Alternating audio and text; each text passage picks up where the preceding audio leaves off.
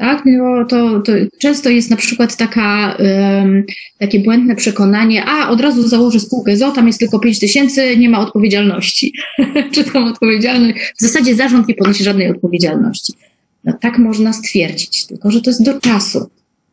Jeżeli zakładasz spółkę ZO, która oczywiście no, jest spółką z ograniczoną odpowiedzialnością, zawierasz tę umowę w formie aktu notarialnego, składasz wniosek o rejestrację podmiotu e, w Krajowym Rejestrze e, Sądowym.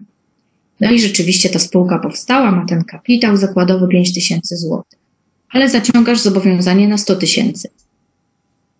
To ty musisz się zastanowić, po pierwsze, wiedzieć, yy, i tutaj uwaga, naprawdę adwokaci przydają się nie tylko w kryzysie i nie, i nie tylko również na takim etapie, bo ty musisz wiedzieć, czy ty w ogóle prawnie jesteś czy ty możesz zaciągnąć tego rodzaju zobowiązanie.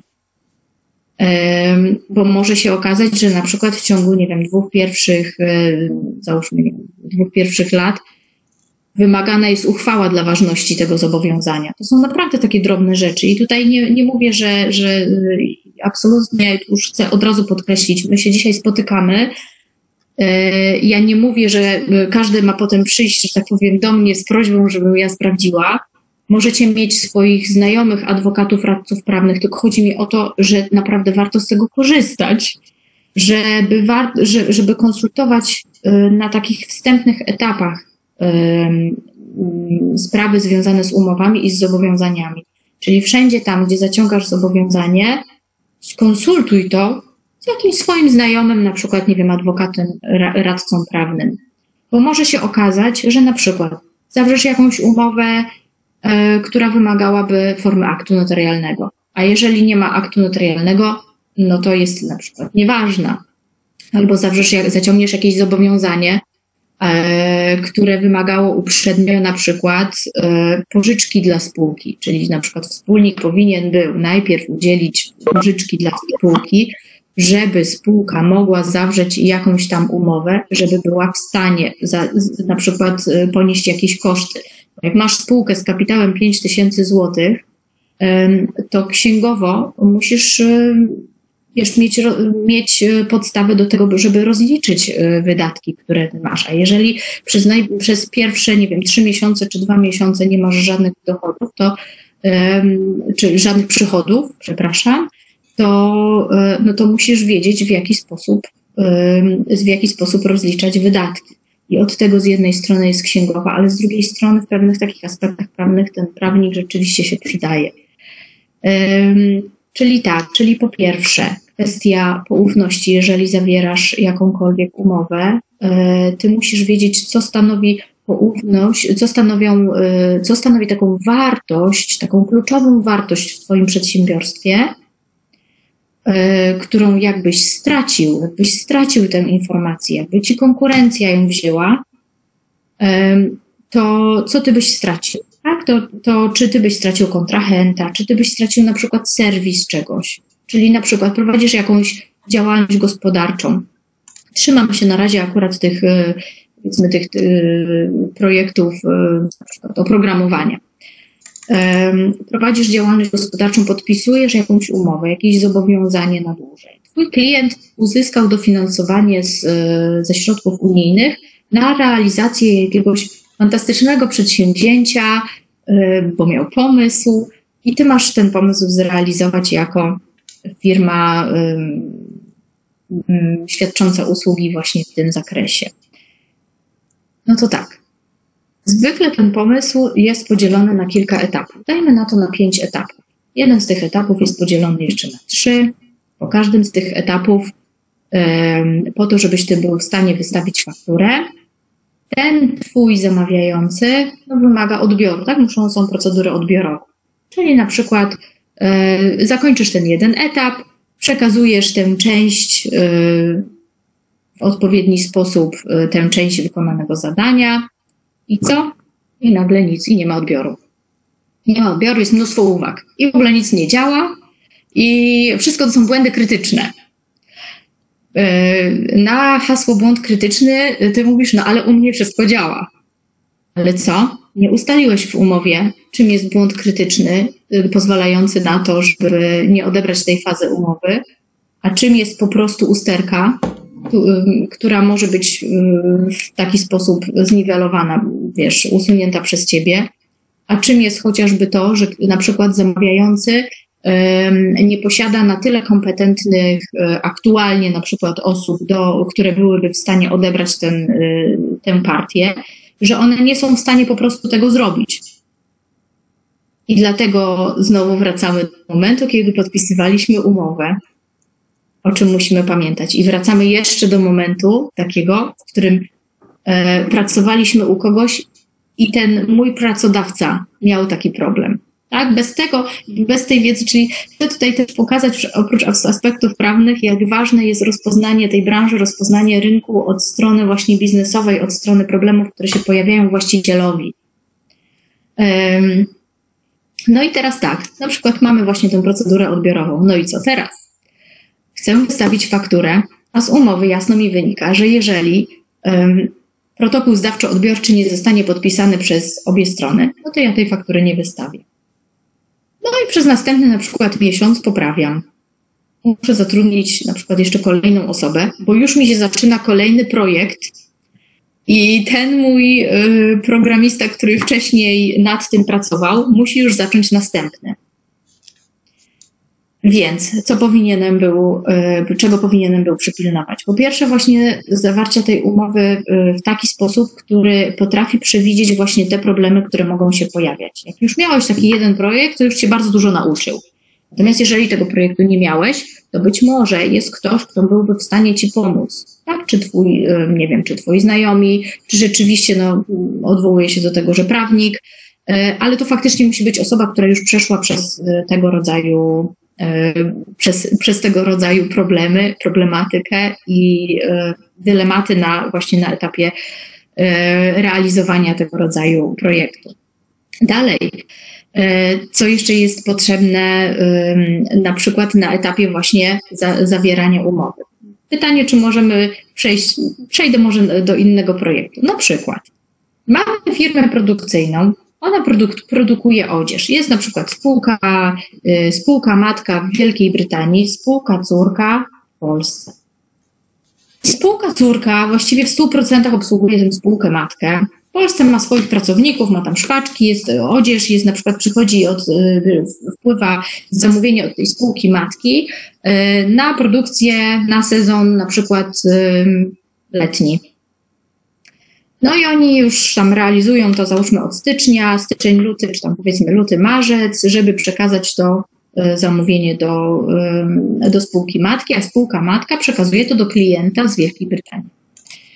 No i klient z Wielkiej Brytanii będzie mógł, to mógł, tam są określone terminy, na przykład, że do, do, nie wiem, do 3 e, marca musisz przekazać, czy tam do 30 marca musisz przekazać całą kolekcję zgodnie właśnie z tymi wszystkimi rysunkami technicznymi, projektowymi i ilościowo i jakościowo musi się to wszystko zgadzać.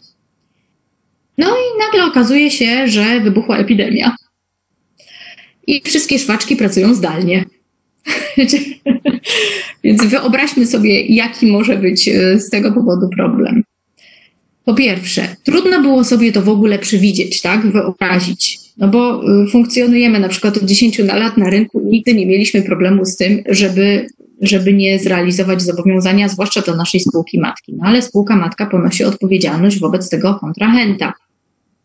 Spółka matka ponosi odpowiedzialność wobec kontrahenta, my wobec spółki matki, która no też musi wyegzekwować od nas nasze świadczenie.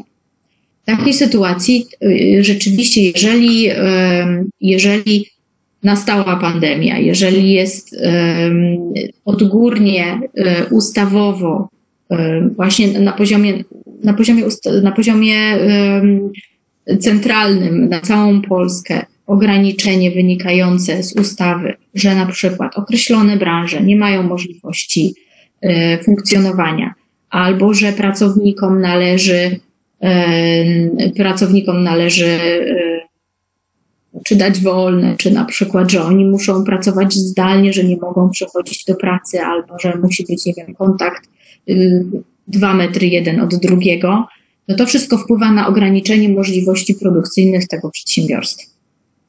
W takiej sytuacji, jeżeli jesteśmy realnie wydajni na poziomie tego przedsiębiorstwa, na przykład o 50% mniej, czyli 50% jesteśmy w stanie zrealizować, realizujemy te 50%, natomiast co do tego, tych pozostałych 50, 50%, w razie roszczeń, ja nie mówię spółki matki, bo wiadomo, że pewnie spółka matka nie będzie kierowała roszczeń, ale jeżeli to byłby jakiś kontrahent, to możemy się w takiej sytuacji powołać na wypadek siły wyższej. Ale pytanie, czy my mamy na przykład to wpisane w umowie. Czyli na etapie zawierania tego, tej umowy z tym zamawiającym, na przykład możemy być szczęśliwym, szczęśliwi, akurat weszliśmy na rynek i akurat nas zainteresowała się nami taka marka, która jest we wszystkich e, centrach handlowych i galeriach, no i, i w ogóle nasze obroty skoczą po prostu o 1500%. Fantastycznie. Zawrzyjmy dobrą umowę. Oczywiście tego rodzaju umowy, no wiadomo, że one są, to są umowy, które są zwykle narzucane przez ten podmiot, który ma jednak tę silniejszą pozycję, bo o ile oczywiście no B2B, no to wiadomo, że teoretycznie dążymy do tego, żeby każdy z tych partnerów, e, którzy, którzy zawierają umowę, żeby mieli równe szanse, równe prawa i tę samą pozycję, ale wiadomo, że w praktyce tak nie jest. Jeżeli mamy podmiot znany na rynku, no to tak powiem, może sobie wybrać nas, może sobie wybrać kogoś innego i zwykle jednak prezentujemy pewną taką uległą postawę wobec różnych zapisów. No i na przykład y, akurat tutaj załóżmy nie było tej siły wyższej, chociaż myślę, że była, bo akurat w tego rodzaju umowach są te klauzule. Ale mamy na przykład innego rodzaju umowę. Y, mamy załóżmy umowę, y, z której wynika, że mamy coś do wykonania w określonym terminie, ale ten termin nie zostanie zachowany, bo na przykład druga strona nam nie dostarczyła na czas wskazany w umowie i tutaj to te, tego też trzeba dopilnować, e, na czas materiału, w związku z czym ten etap produkcyjny przesunął się.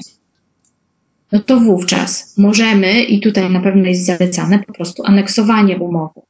Najlepiej na etapie, kiedy strony um, nie walczą jeszcze ze sobą, nie denerwują się, a po prostu no jest jakaś, jakieś przesunięcie, ale jeszcze jesteśmy w bardzo dobrych relacjach Zmieńmy sobie tę umowę w zakresie chociażby tego jednego punktu, czyli jeżeli to miało być do 23, tam powiedzmy lutego te materiały przekazane, zostały przekazane 30, 30 lutego na pewno nie, ale na przykład 1 marca,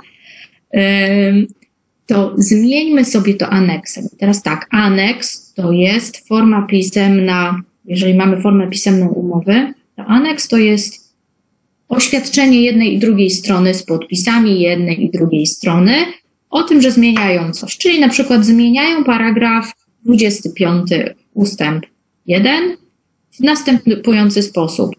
Termin y, dla, zamawiają, dla zamawiającego, termin dostarczenia materiałów to 1 marca. Bo dzięki temu my wtedy wiemy, że na przykład, a i wtedy musimy pamiętać, że musimy zmienić też termin wykonania naszego zobowiązania aneksem. I wtedy jesteśmy, tak, mamy to bezpieczeństwo umowne, że wiemy, że jesteśmy w stanie zrealizować na przykład to pojedyncze, to, to jednostkowe zobowiązanie.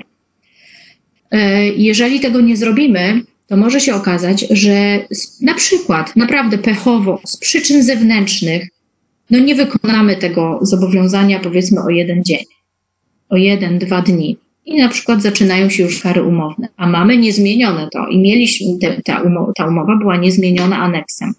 Czyli nie dość, że się o tydzień ten zamawiający spóźnił, to jeszcze wymaga od nas, no czemu nie, żebyśmy zmieścili się w swoim terminie. I ponieważ nie dopilnowaliśmy tego, żeby zmienić nasz termin, to, my, to nadal ten poprzedni termin obowiązuje. Chyba, że oczywiście, że w umowie wynika coś, z umowy wynika coś innego.